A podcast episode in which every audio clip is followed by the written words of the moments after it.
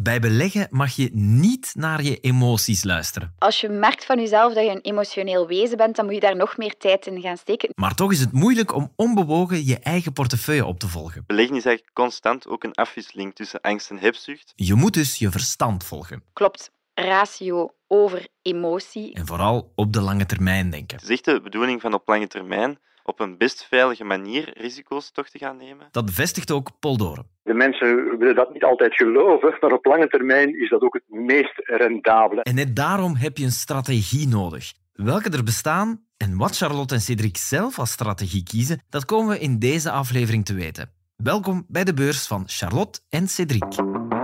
Ik ben Charlotte. En ik ben Cedric. Wij zijn twee jonge beleggers. Ik ben Maarten van Quali en ik snap veel te weinig van beleggen. Maar wij willen het jou wel leren. We krijgen allebei een portefeuille van 10.000 euro. En die zullen we investeren volgens onze eigen strategie. Aldoende zullen we je uitleggen hoe beleggen in elkaar zit en hoe iedereen ermee kan starten. En als ik het niet meer weet, dan bel ik met onze financieel expert Paul Doren. Hallo, met Paul. Welkom bij de beurs van Charlotte en Cedric.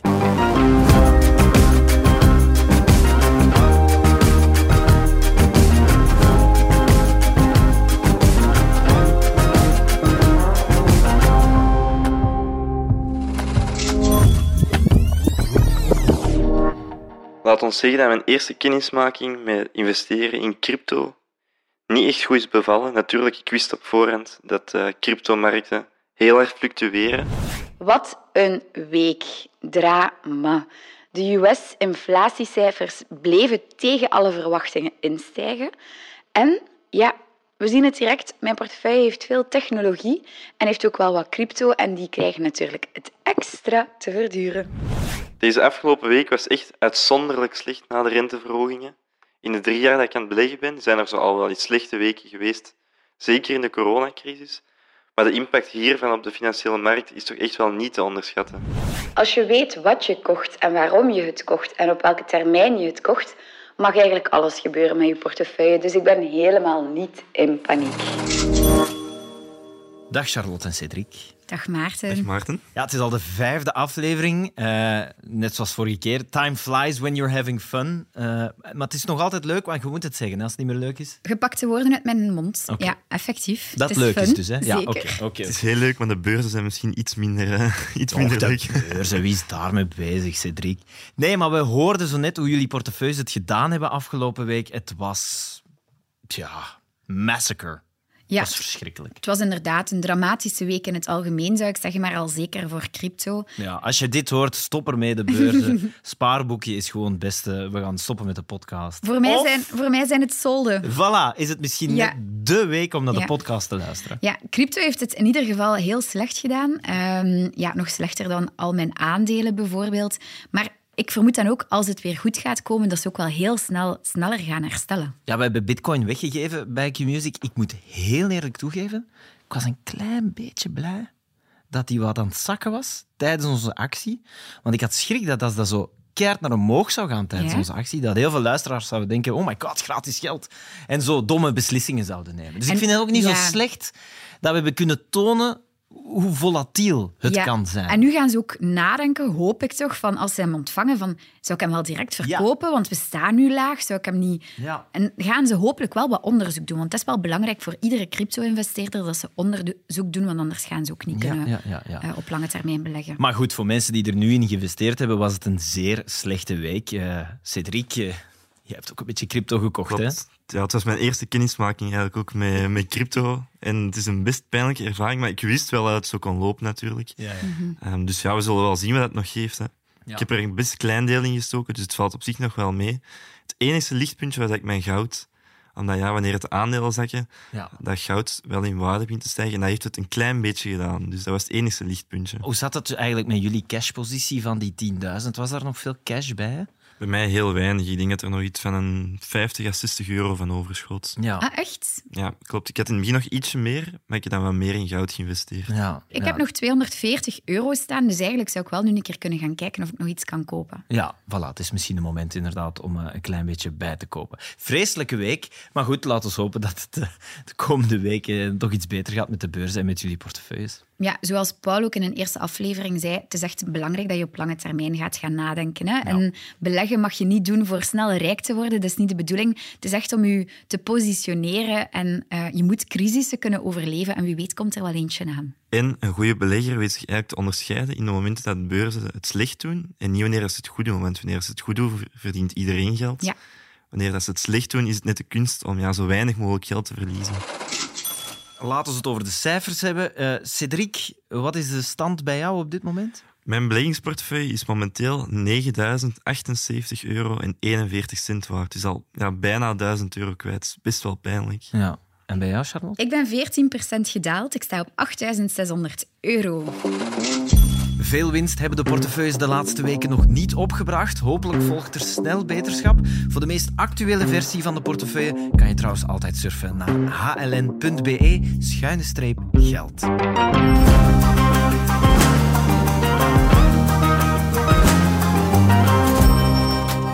Vandaag hebben we het over welke strategieën je kan gebruiken om te beleggen. Charlotte, Cedric, vertel me nu eens Waarom heb ik zo'n strategie nodig? Ik heb een beetje geïnvesteerd in crypto een tijdje geleden. Jullie weten dat al. Ik heb daar dan maar rollakken van gekocht. Ik hoop dat ze snel geleverd worden, want het is lang licht. Um, maar heb ik dan wel een strategie nodig? Het is wel belangrijk dat je bezint eer je begint, Maarten, want het is toch wel de bedoeling dat we het volhouden op lange termijn. Oké, ja, clichés kloppen meestal. Waarom klopt dit cliché ook?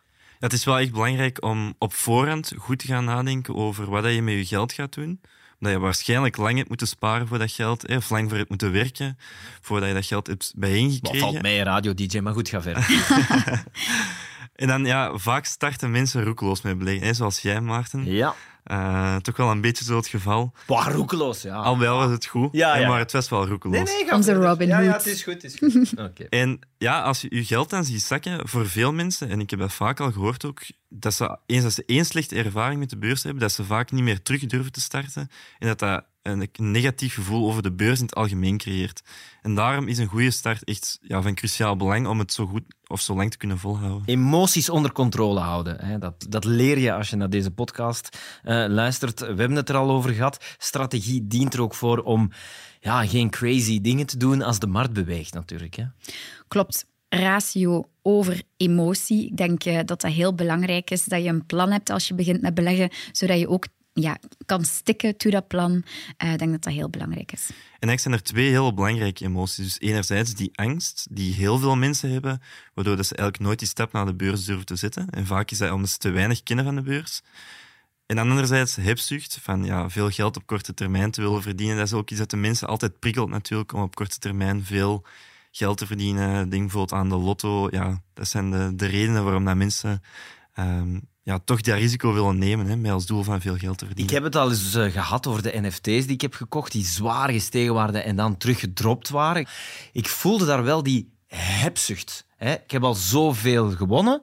Wie weet, wat kan er nog gebeuren? Eerlijk, heb je in je bed liggen dromen over de miljoenen? Tuurlijk. Ah, voilà, zie. Nee, ja, dat is was, een goed teken. Ik had er drie en ik zei, ik verkoop niet zolang ik niet met twee van de drie van huis kan afbetalen. Dat is zo veel te graaf. Veel te graaf. Maar die hebzucht is real, hè? ook bij aandelen. Hè? Ja, klopt. En het is ook gewoon belangrijk van te weten dat de beurs is geen loterij, is ook geen casino. Hè? Het is niet een plaats waar je poker gaat spelen of grote risico's. Je kunt die daar gaan nemen, maar dat is niet de bedoeling. Het is echt de bedoeling van op lange termijn op een best veilige manier risico's toch te gaan nemen beleggen is eigenlijk constant ook een afwisseling tussen angst en hebzucht. Als de beurzen het weer slecht doen, dan begin je jezelf als belegger in vraag te stellen van ja, heb ik hier nu slechte keuzes gemaakt? Ja. Mm Komt die angst terug boven? Als je dan een aandeel hebt dat het goed doet, dan denk je weer van had ik er maar weer meer van gekocht? Dat is eigenlijk constant dat elkaar afwisselt en je moet dat echt heel goed onder controle En terwijl het beter omgekeerd is, als het goed gaat, moet je jezelf ook de vraag blijven stellen van is dit een goede beslissing? En is het niet gewoon ik die geluk heb?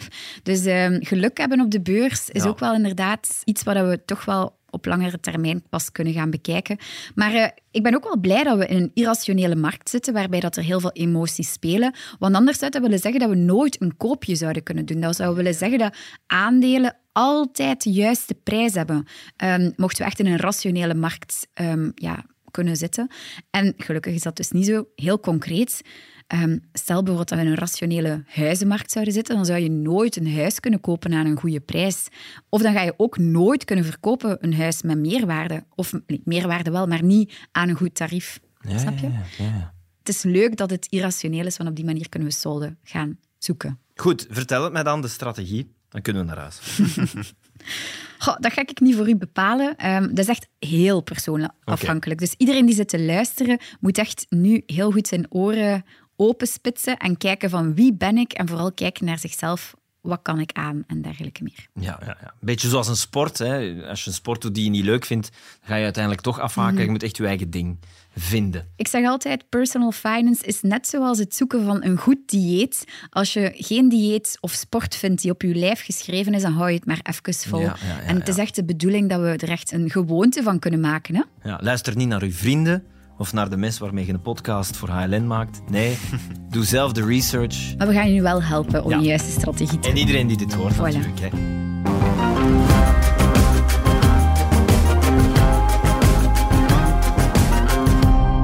Hoe kiezen we nu een strategie? Ah, Ja, tot nu toe eh, kocht ik iets en dan verkocht ik het om mijn winst terug te pakken. Maar ik weet niet of dat een goede strategie is. Ik, ja, Eigenlijk was je met dat te doen een beetje een trader. Hè? Een trader is iemand die aandeel bijvoorbeeld koopt of NFT's of crypto met als doel van op korte termijn daar winst mee te maken. Van bijvoorbeeld na een paar dagen al mijn winst te verkopen of na een paar weken. Dat is allemaal korte termijn. Ehm, en traders gebruiken dan ook vaak ja, iets volatielere aandelen. Wat ik ook nog interessant vond, heb ik onlangs ontdekt, dat als je een trader bent, dat je dan ook echt belastingen moet betalen.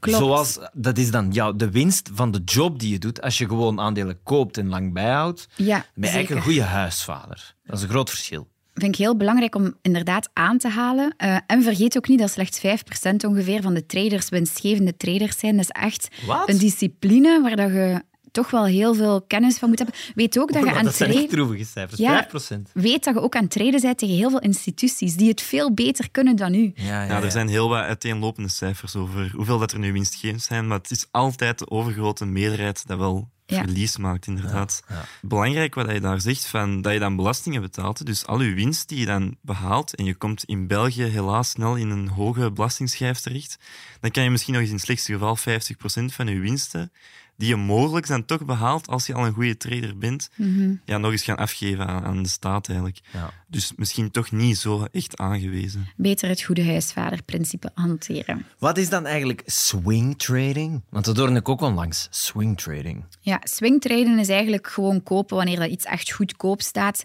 En eh, de swing meemaken en dan verkopen wanneer het weer oké geprijsd Dat staat. staat zo tussen de twee in. Voilà. Swingtraden kan ja, op een uitzonderlijke situatie misschien een tijdspanne van een dag innemen. Maar dat kan even goed zijn dat je iets koopt en maandenlang aanhoudt tot en met het weer op zijn prijspeil komt. Ik doe dat enkel als ik echt in een aandeel geloof, fundamenteel. Als ik geloof in de principes van een bedrijf, in, in de cijfers erachter, in het verhaal dat het brengt. Eh, maar echt traden blijf ik inderdaad ook van weg, omwille van die fiscale eh, Ja. regeling daar. Is dat iets voor jou? Of heb jij daar al ooit zo in aandeel gevonden dat je denkt van, oh, hier kan ik krap geld op pakken? Ja, toch wel. In het begin, toen ik startte met beleggen, aan een paar maanden brak de coronacrisis uit.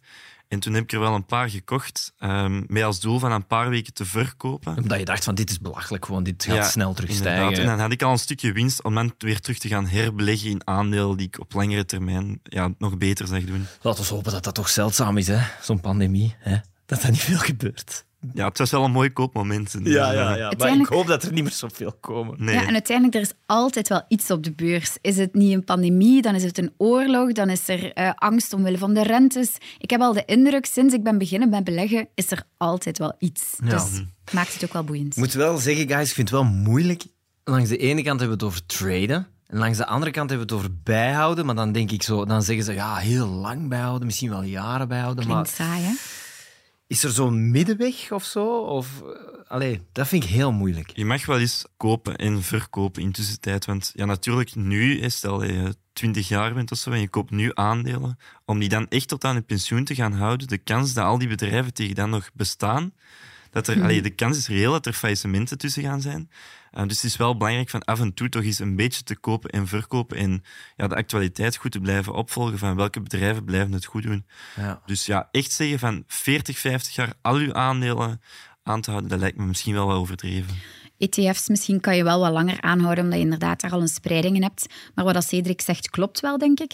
Ehm, ik denk dat het vooral belangrijk is om gewoon altijd de cijfers, het verhaal dat een bedrijf brengt, te blijven checken en te zorgen dat er fundamenteel niets verandert. Mocht er bijvoorbeeld iets fundamenteel veranderen, dan kan dat een reden zijn waarom dat je een bedrijf loslaat, omdat er misschien een andere opportuniteit is in de markt. Wat ik persoonlijk een interessante strategie vind, is die van Warren Buffett. Ik heb het al vaak gezegd, het is echt mijn voorbeeld als uh, Elke keer als dat die naam valt tijdens een opname, denk ik, ik hoop dat hij niet sterft voordat het online komt.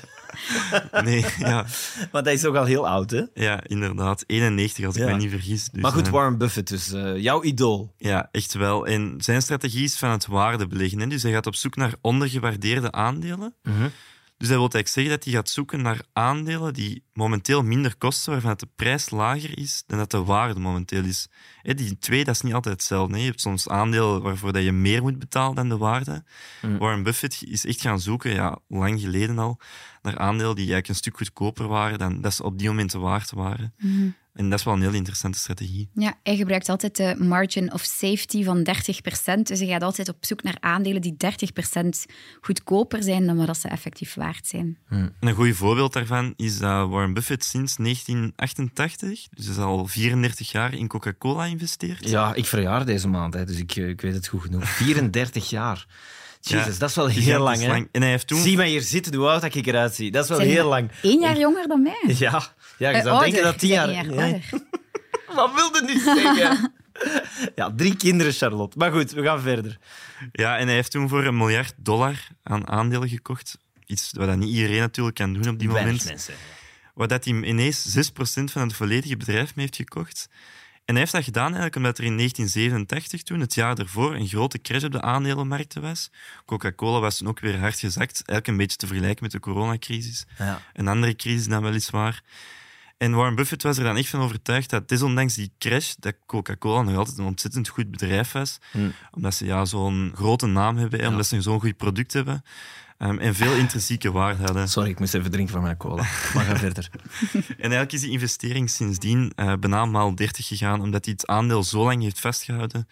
En ja, dat is echt wel een voorbeeld, of het beste voorbeeld van dat waardebeleggen. Ja. Trouwens, elke aandeelhoudersvergadering eh, zit hij daar ook altijd op zijn eh, bureau te pronken met een blikje cola om nog wat extra reclame te maken. ik voel mij ineens zo Warren Buffett. Oké, ja, maar vind ik een interessant verhaal. Dat, eh, dat kende ik nog niet. Heel cool. Maar goed, hoe kan iemand nu inschatten of een aandeel omhoog of omlaag gaat gaan? Want je kunt nu wel zeggen, ja, hm, 30% verschil, maar hoe de hel weet je dat? Dat iets 30% ondergewaardeerd is? Er zijn wel middelen om dat te proberen in te schatten. Of er, aan de hand van ratio's kun je dat ongeveer wel gaan berekenen. Maar Hoe je uiteindelijk, ratio's? ja, dus dan ga je eigenlijk vergelijken van hoeveel dat je betaalt voor een aandeel. In verhouding tot de winst bijvoorbeeld. Of in verhouding tot de boekwaarde. Van stel dat ze al hun gebouwen en wat dan ook zouden verkopen. Ja. Hoeveel dat, dat allemaal waard is. En dan kun je dan bijvoorbeeld gaan vergelijken per sector. Van ja, welk bedrijf in die sector is nu duurder dan een ander. Maar dat blijft toch een beetje de kunst van de belegger om dat goed in te schatten. Want als we dat allemaal zo eenvoudig konden inschatten, dan zouden er geen ondergewaardeerde aandelen bestaan. En dan zou iedereen rijk zijn. Ja, ja Als of we de beurs konden natuurlijk. voorspellen. Klopt. Als en, we weten hoe dat het zou bewegen. Ja. en, daar, ja, en daarnaast kun je op, op het internet, hè, bij je broker, kun je wel wat info vinden over ja, welke aandeel dat zij bijvoorbeeld aanraden. Maar dat blijft ook belangrijk vanzelf altijd, daar goed na te kijken. Echt zo belangrijk om te beseffen is dat de prijs van een aandeel niet hetzelfde is als die waarde van een aandeel. We hebben dat al vaak gezegd. Maar ja, dat is heel verwarrend. Als startende belegger dacht ik ook van oké, dit is de prijs van het aandeel, dat is wat het nu waard is. Ja, Maar die twee die staan echt los van elkaar. Dat is echt ontzettend belangrijk om dat te, Oké. te begrijpen. En de markt schat dat ook vaak verkeerd in.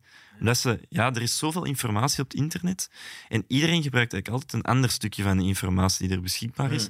En daardoor kom je ook op andere conclusies. Zo'n beetje zoals vroeger een Leo en een Olé van een Aldi. Dat is hetzelfde, Ja, exact. maar een andere prijs, dezelfde waarde. Dat is, een, dat is echt een ontzettend goed voorbeeld Er komen nu allemaal van die berichten binnen van nee, nee, niet te vergelijken. Maar laten we een kat en kat noemen. En met dat Ja, waarde beleggen, als je dan echt een aandeel kunt vinden waarvan dat de prijs goedkoper is dan de intrinsieke waarde, hè, de intrinsieke waarde is wat een aandeel dus echt waard is, Ja. dan kun je eigenlijk op twee manieren winst gaan maken. Enerzijds omdat je na verloop van tijd, als er steeds meer informatie beschikbaar komt, dat die prijs kan groeien naar die intrinsieke waarde. Maar die intrinsieke waarde kan zelf ook nog eens gaan stijgen, omdat het aandeel of het bedrijf het gewoon beter doet. En op die manier kan je dus op twee verschillende manieren een soort van winst gaan maken. Ja, en heel af en toe krijg je dan ook een dividend bij die type waardeaandelen. Dat is dan nog een extraatje. Ja, jaarlijks een beetje geld dat je van kan genieten. Ja, ja, ja. Een andere strategie die je ook kan gebruiken is echt gaan zoeken naar groeiaandelen. Dus dan het omgekeerde van die waardeaandelen die zijn vaak duurder dan een intrinsieke waarde. Waarom? Omdat belegger zal betalen voor een potentieel. En wat dat, dat potentieel is, dat is natuurlijk veel moeilijker in te schatten dan dat we kunnen gaan terugkijken in het verleden van wat heeft een bedrijf al gedaan. Er zijn heel veel methodieken. Ik denk daarbij bijvoorbeeld aan de discounted cashflow methode, waarbij dat er echt kan berekend worden wat een aandeel zou moeten waard zijn. Maar dat kan heel veel moeilijker bij die groeiaandelen, omdat ja, de toekomst is, is onduidelijk, is onzeker. Toch een beetje een gok dan. Het is niet echt een gok. Berekende gok. Een, ja, een risico dat je neemt. Maar Ja. als je een mooi risico-rendementsverhouding hebt, Ja. dan is dat vaak ook een heel mooie beslissing. Heel veel groeiaandelen hebben mensen ook wel echt heel wel gesteld gemaakt. En vaak zeggen ze dat, hè? dat je echt investeerders hebt die echt waarde investeren, maar je hebt ook mensen die echt puur op die groeiaandelen gaan investeren. Het is inderdaad ook het verhaal van de juiste eh, bedrijven eruit te pikken en ook analyse te gaan doen. Dat is ook de reden waarom dat ik in Sofina investeer. Hmm. Omdat zij proberen om bedrijven in een ja, vroege fase eigenlijk op te merken en erin te investeren. En ja, het voordeel dat een holding dan heeft bijvoorbeeld, is dat zij daarin kunnen investeren voordat die bedrijven beursgenoteerd zijn. Als wij die aandelen zelf gaan proberen te zoeken, dan zijn die altijd al beursgenoteerd. En vooraleer dat je beursgenoteerd wordt, dan ben je best al groot als bedrijf. Ja. Via die holdings kun je wel nog vroeger Klopt. eh, erin investeren. Het blijft een ingewikkeld verhaal hè, om het te kunnen inschatten. Het is zo moeilijk, hè? Ja, het blijft echt heel moeilijk, want het zijn altijd ja, inschattingen die je probeert te maken ook. Hè, met wat gaan de winsten in de toekomst zijn? Ehm, het is niet per se dat investeren in groeiaandelen een heel actieve manier van beleggen is of zo. Maar het is vooral tijdintensief wanneer dat je zoekt naar die bedrijven. Want het is ontzettend moeilijk om die goede bedrijven te vinden. En ook omdat de info schaars is. Hè. Je kunt bijvoorbeeld veel meer info vinden over Apple nu dan over ja, 20 jaar geleden, toen Ja, dat veel minder mensen het kennen natuurlijk. Hè. Ja. Dus ja, probeer maar eens dat soort aandeel te vinden. En het is ook absoluut geen manier om ehm, op korte termijn winsten te behalen. Want die winsten zijn echt pas te verdienen ja, door weer lang te investeren.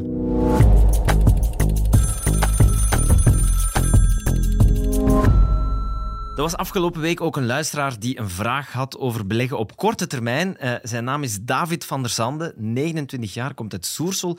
Die heeft toch een stevig budget nodig binnen de vijf jaar. Dag Charlotte en Cedric. Ik zou echt heel graag een zwembad hebben in mijn tuin, maar ik heb er nu geen geld voor. Eh, dus ik denk eraan om vijf jaar stevig te beleggen en snel winst te maken. Hoe pak ik dat het beste aan? Dank u. Bye bye. Hey David, kijk tof dat je wilt gaan beleggen, maar natuurlijk voor beleggen heb je wel een bepaalde horizon nodig. Als je specifiek die vijf jaar horizon voor ogen hebt, dan kan dat nogal wat tricky zijn, want stel dat de beurs het echt niet goed heeft gedaan, bijvoorbeeld dat we stabiel blijven of zelf een beetje zakken, en dat jij binnen vijf jaar dan je geld van de beurs moet gaan halen, dan ga je niet zo gelukkig zijn. Dus ik raad altijd aan, als mensen willen sparen voor iets, voor iets op kortere termijn, om dan echt te gaan sparen. Zou hij dan ook niet een vork kunnen nemen of zo? Zo van, ik wil tussen nu en tien jaar een zwembad. En dan gewoon kijken... Ja. Oh, nu is het echt een all-time high. Up, ik verkoop alles, ik koop een zwembad. Of is dat, is, is dat te doen, zo'n strategie? Of is dat heel moeilijk? Een zwembad is duur ook. Hè? Hè, Dus eh, je kunt al gaan berekenen wat je gemiddeld ongeveer op de beurs jaarlijks kunt behalen. En hoeveel inleg dat je al wel niet nodig hebt om ja, na vijf à tien jaar een zwembad ervan te kunnen kopen, heb je toch al wel best wel wat geld nodig. Dus in dit geval is eigenlijk het bedrag te hoog en de horizon te kort. Het hangt er natuurlijk vanaf hoe rijk dat David is. Stel dat hij een miljoen heeft, dan ja, zou ik zeggen van ja, laat het zeker niet op je spaarrekening staan, want hij heeft dan maar dan een wel nu een zwembad zou. Maar als, je, voilà, maar als je nog echt moet gaan sparen, en dan denk ik inderdaad dat dat vrij riskant is. Maar ik zeg ook altijd van, als je ziet wat dat de voordelen van dat beleggen zijn, dan ga je willen sparen voor je zwembad enerzijds, maar ga je daarnaast ook die beleggerstroom willen opzetten. Je gaat, net zoals als je een huis koopt, je wilt niet alles in dat huis gaan beleggen of gaan sparen, maar je wilt ook daarnaast die stroom van dat geld dat voor jou gaat werken eigenlijk gaan opzetten. Dat is echt heel belangrijk. Ik betwijfel ook of dat de beste investering is, een zwembad. Het gaat ook heel Ja. veel geld kosten. nog. Ja, maar ja, dat is persoonlijk natuurlijk. hè. Als je Iedereen elke moet dag ook een beetje leven, uiteraard Ja. ook. Ehm, dat mogen we ook niet vergeten.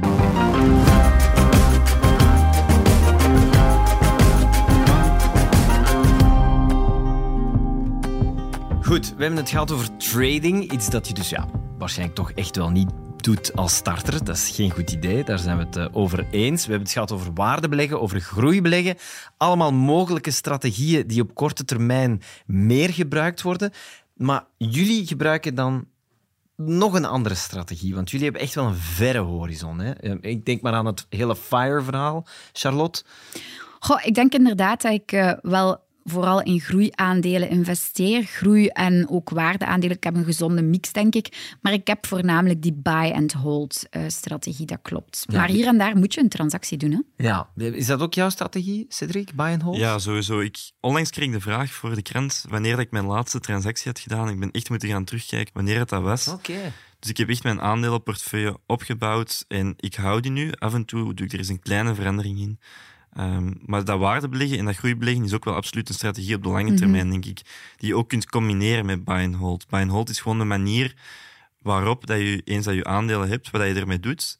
Waardebeleggen of ja, beleggen in groeiaandelen is eigenlijk gewoon een keuze van in wat je gaat beleggen en niet de manier waarop. Ja. Ik heb het geprobeerd, hè, getraind, naar de grafiekjes zitten kijken. Nu inkopen, dan verkopen. Ik werd er helemaal zenuwachtig van. Slapeloze nachten. Dat was gewoon niet de strategie die op mijn lijf plakte. Ja. Dus ehm, ik heb nu eigenlijk totaal geen stress. En ik zou eigenlijk zelf durven zeggen, als je voor jou de juiste strategie kiest, dan is er voor iedereen een vorm van beleggen en zou je eigenlijk nooit stress mogen ervaren. Oké, oké. Ook nu met die 10.000 euro denk ik dat we allebei toch iets meer voor buy and hold kiezen. Ja. We zijn ook niet van plan van elke week te kopen en verkopen. Transactiekosten, hè? Maar ik moet wel zeggen dat ik nu terug zo wat meer als in het begin met mijn eigen aandelenportefeuille de reflex heb van elke dag te gaan kijken van op Ja? hoeveel staan we. Komt hoeveel- dat door die competitie tussen jullie twee? Dat je denkt van... Mm, Ja, eh, misschien toch ja. wel. Hoewel dat ik niet aan Charlotte vraag hoeveel dat zij heeft. Ik, wil vooral zelf dat mijn portefeuille het ook goed doet. Ja. Ja, ik voel en- geen competitie. Nee, nee. Maar goed, ik eh, kies dus aandelen uit en als alles goed gaat, hou ik ze bij tot op mijn pensioen. Dat zou een mogelijke strategie kunnen zijn. Buiten, want je zei het daarnet al, als die bedrijven dan failliet zou gaan of zo, die bedrijven, ja...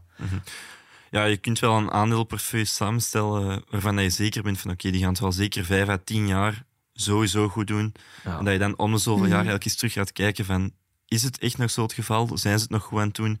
Geloof Ja. ik er nu nog altijd in voor de komende tien jaar? Van dat zo om zoveel tijd is terug te gaan. Ik eh, vind wel, kijken. als je aandelen in een portefeuille hebt, dat je toch wel een beetje moet opvolgen. Maakt niet uit welk bedrijf. Je weet nooit wat een bedrijf kan gaan doen. Ook al heb je een Coca-Cola, je weet nooit dat plots bewezen wordt dat Coca-Cola kankerverwekkend zou zijn of Dus zo. actief beleggen kan ook zijn niks kopen en verkopen, maar het gewoon in doog houden. eigenlijk. Ja, inderdaad. Ja. Klopt. Ja. Ehm, als je echt het niet in toog wilt houden en je wilt er echt geen tijd in steken, ja, dan moet je gewoon naar andere beleggersproducten gaan kijken dan naar aandelen, vind ik. En dan moet je inderdaad meer de ETF-kant opgaan. Wat dat wel interessant is, is om die buy-and-hold-strategie te combineren met dollar-cost averaging. Ja, mannetjes toch. Het moet een beetje behapbaar blijven hè, voor de mensen. Allee, wat is dat nu weer? DCA. Ja, dat is een moeilijke term misschien, maar eigenlijk is het poepsimpel. Ja, leg het dan inhoudt. simpel uit. Hè. Gebruik dan niet de moeilijke term. Maar goed, allee, dollar cost averaging. Hè, dus het is een strategie waarbij dat je je aankopen gaat spreiden doorheen de tijd gewoon. Hè. Dus in plaats van spreiden in ja, beleggingsproducten of in sectoren, ga je doorheen de tijd spreiden. Dus ja, Ja, ja, ja. Elke maand 50 euro bijvoorbeeld. in plaats van dat je dan bijvoorbeeld 600 euro per jaar inderdaad Ja. één keer zou beleggen, ga je dat dan elke maand met 50 euro doen. Waardoor dat je ja, het, het risiso ontloopt van op een slechte moment te gaan kopen. Want ja, als je bijvoorbeeld kiest van het begin van elk jaar te gaan beleggen, en je hebt dat dit jaar gedaan, dan had je nu al serieus wat verlies gehad. Ja, ja, ja. Als je dat nu het begin van elke maand had gedaan, had je ondertussen ja, al richting de dip kunnen gaan kopen. We zijn ondertussen af en toe al een beetje terug aan het herstellen. En wanneer dat je dan dicht bij die dip begint te komen, vroeg of laat, ja, Dus als ik er niks van ken en, en ik koop pakweg elke maand voor 50 euro een ETF of een holding, hè, zoiets heel veilig, dat begint al echt in de buurt te komen van een spaarboekje dan. Hè. Zeker, ben je mooi aan het accumuleren en eigenlijk heel Ja. veilig. ook. En dat heet dan dollar cost averaging. ja, Dus dan kan je zeggen, nee, ik spaarboekje doe ik niet. Ik doe nu aan, dollar cost averaging. Ja, zalig. ja. En, maar zelfs als de beurzen dalen, het blijft dan een interessante strategie.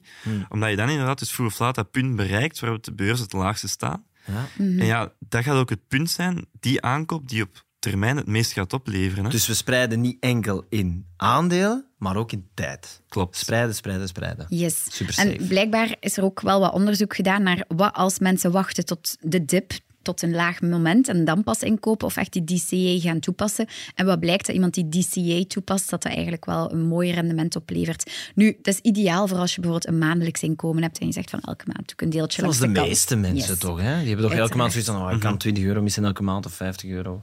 Ja. Ja. Ja, En daar zijn ETF's wel echt heel geschikt voor. ja, ja, Ja, ja. zeker.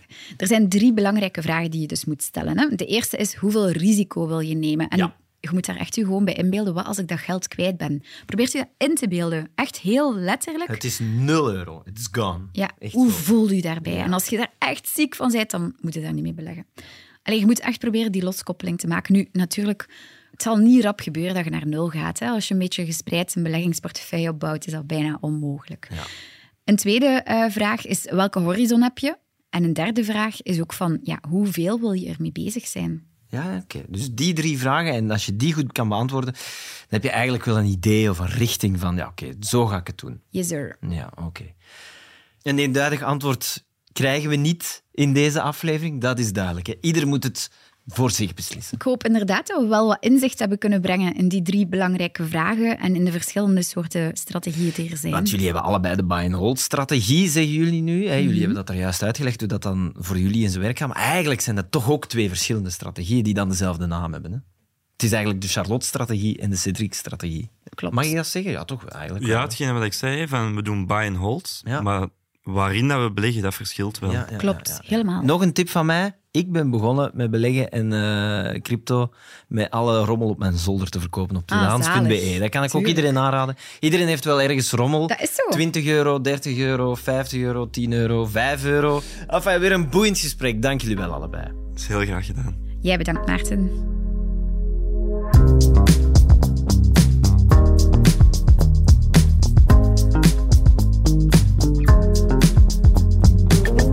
Ik ben echt heel blij dat ik al een beetje beter begrijp hoe ik een goede beleggingsstrategie kan bepalen. Maar ik ben eigenlijk ook wel benieuwd naar de strategie van Paul Doren, de Pol-strategie. Ondertussen staat hij al bij mijn favorieten, want ik bel hem elke week, dus nu ook.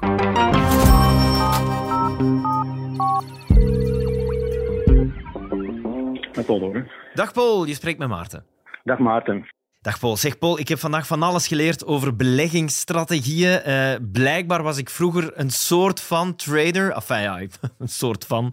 Eh, nu heb ik geleerd, het is beter om buy and hold te doen als strategie. Wat is, wat is jouw reactie daarop? Is dat een goede strategie, buy and hold?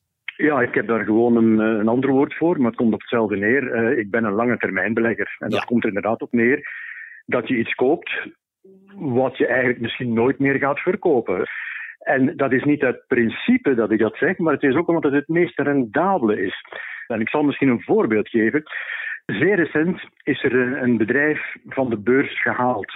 Het bedrijf heet Resilux. We gaan dan nu, ze maken plastic flessen en ze recycleren ook plastic flessen. Ik heb dat bedrijf gekocht toen het naar de beurs gegaan is. 25 jaar geleden. Ik heb die aandelen 25 jaar bijgehouden. Ik heb ze nu tegen mijn zin, maar ik kon niet anders, moeten afgeven. In die periode zijn die aandelen maal 10 gegaan ongeveer en hebben ze elk jaar een dividend uitgekeerd. Kun je nog duidelijker zeggen dat lange termijn de beste strategie is? Ik geloof jou, maar ik geloof jou altijd. Hè. Maar nu zeker, eh, Paul. Ehm, is dat jouw strategie altijd geweest? Of heb je ooit nog zo van die gekke dingen gedaan? Natuurlijk heb ik ook andere dingen gedaan. Je moet van alles een keertje geproefd hebben, eh, uiteraard. Oké.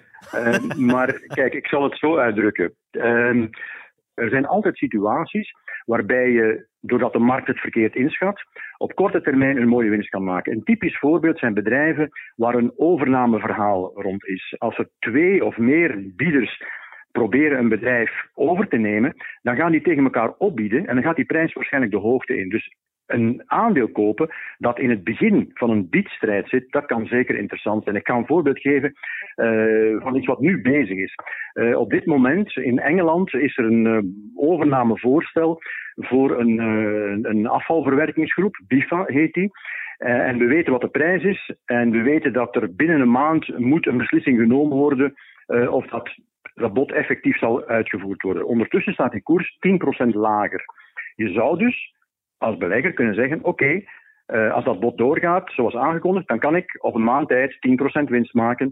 Dus dat zou ik wel af en toe doen. Dat is niet mijn basisstrategie, dat is een soort van aanvulling. Hè. Maar de basisstrategie moet natuurlijk altijd blijven, vind ik, lange termijn. Koop aandelen waar je van je eigenlijk wil dat ze nooit meer uit je portefeuille genomen worden. Ja, ja, ja. Dus lange termijn beleggen of het hippere buy and hold is een heel goed idee. Maar als je af en toe een opportuniteit kan zien waar je zeker van bent, ja, dit gaat echt goed gaan, ja, dan moet je ook wel eens durven springen. Ja, maar zekerheid bestaat niet. Hè. Dus Nee, nee. Er zijn ook overnameverhalen die afspringen, daar moet je rekening mee houden. Eh, en dan zit je eigenlijk met de gebakken peren. Maar goed, als je negen keer juist zit met zo'n verhaal en één keer fout, dan, dan, dan wegen de voordelen zeker op tegen de nadelen. Ja. Maar dat moet je wel goed beseffen, dat als het dan niet doorgaat, ja, dan, dan zit je verkeerd. En dan mag je niet denken, dan voor alle duidelijkheid, dan mag je niet denken, oké, dit is niet gelukt, ik beschouw het nu als een lange termijn belegging. Nee, je hebt het gekocht voor dat doel, om die overname te realiseren. Als dat niet doorgaat, dan wordt het geen lange termijn belegging. Dan moet je het eigenlijk verkopen met verlies, want dat was niet de bedoeling. Je kocht dat niet omdat je het een goed aandeel vond. Je kocht het omdat je dacht dat het zou overgenomen worden. Met andere Dus woorden, niet gebeurt, trouw blijven aan de strategie. Juist, je moet zorgen als je meer dan hè, als je één strategie hebt, dan is het niet moeilijk. Hè. Dan, maar als je daarnaast ter diversificatie andere strategieën gaat toepassen, dan moet je vooral zorgen dat je ze niet door elkaar gaat eh, gooien. En dat gebeurt helaas veel. Oké, Paul, laten we het ook nog even over de portefeuilles van Charlotte en Cédric hebben. Wat is jouw gevoel deze week? Ja, ik moet even zuchten natuurlijk, want ze hebben destijds een paar weken geleden een heel goede start genomen. Maar de winst is volledig weg op dit moment. En eh, zoals ik vanaf dag één heb gezegd, het verschil zou gemaakt worden door de crypto's, doordat Charlotte veel meer crypto's heeft dan Cedric. Dus dat kon goed uitpakken of dat kon slecht uitpakken. En voorlopig pakt dat dus niet zo goed uit voor Charlotte. Dus eh, die heeft eh, een behoorlijke achterstand opgelopen. Maar over crypto's valt niets zinnigs te voorspellen. Dus wie weet is het over twee weken weer anders. ja, inderdaad, dat zei in het begin. Dat je dat jammer vond, omdat je het zo moeilijk kan vergelijken. Maar, eh, maar ja, de crypto's wegen hier inderdaad duidelijk het, eh, het zwaarste door. En voor de rest moeten we zeggen, ja, de aandelen die, die doen het ook niet zo goed, maar de beurs doet het in het algemeen niet goed. Dus dat moet je wel weten als belegger, dat als de beurs een paar weken of een paar maanden tegen zit, dat de kans dat je dan iets gaat verdienen niet zo groot is. Dat is ook het verschil uh, waar ik uh, al eerder op gewezen heb, van uh, we hebben twee jaar van stijgende beurzen gekend. Veel mensen zijn naar de beurs gekomen omdat het zo fijn was om te beleggen, omdat er elke week winst was. En dat er een moment zou komen dat het niet meer elke week winst zou zijn. En die, die fase is nu aangebroken. Daar moeten we nu wel even doorheen. En we moeten er eigenlijk ja, de goede conclusie uittrekken van je moet blijven geïnteresseerd zijn, je moet het blijven opvolgen.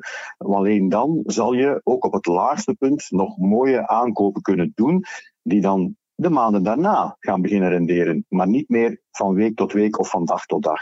Oké, okay, duidelijk. Dankjewel, Paul. Graag gedaan. Dit was de vijfde aflevering van de beurs van Charlotte en Cédric. Volgende keer gaat het over beginnersfouten. En ik durf nu al niet nadenken over hoeveel ik er zelf gemaakt heb. Enfin, we gaan het zien volgende week. Als je daar nu al een vraag over hebt trouwens, dan kan je die stellen op hln.be-geld. Daar kan je ook de volledige portefeuilles terugvinden in de blog van Charlotte en Cédric. Bedankt voor het luisteren en tot volgende week.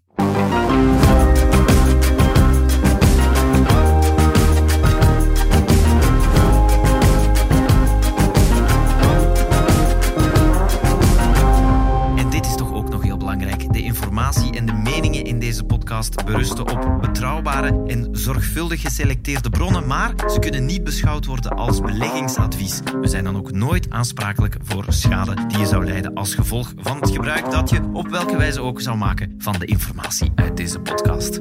Deze podcast werd gemaakt door het laatste nieuws in samenwerking met House of Media.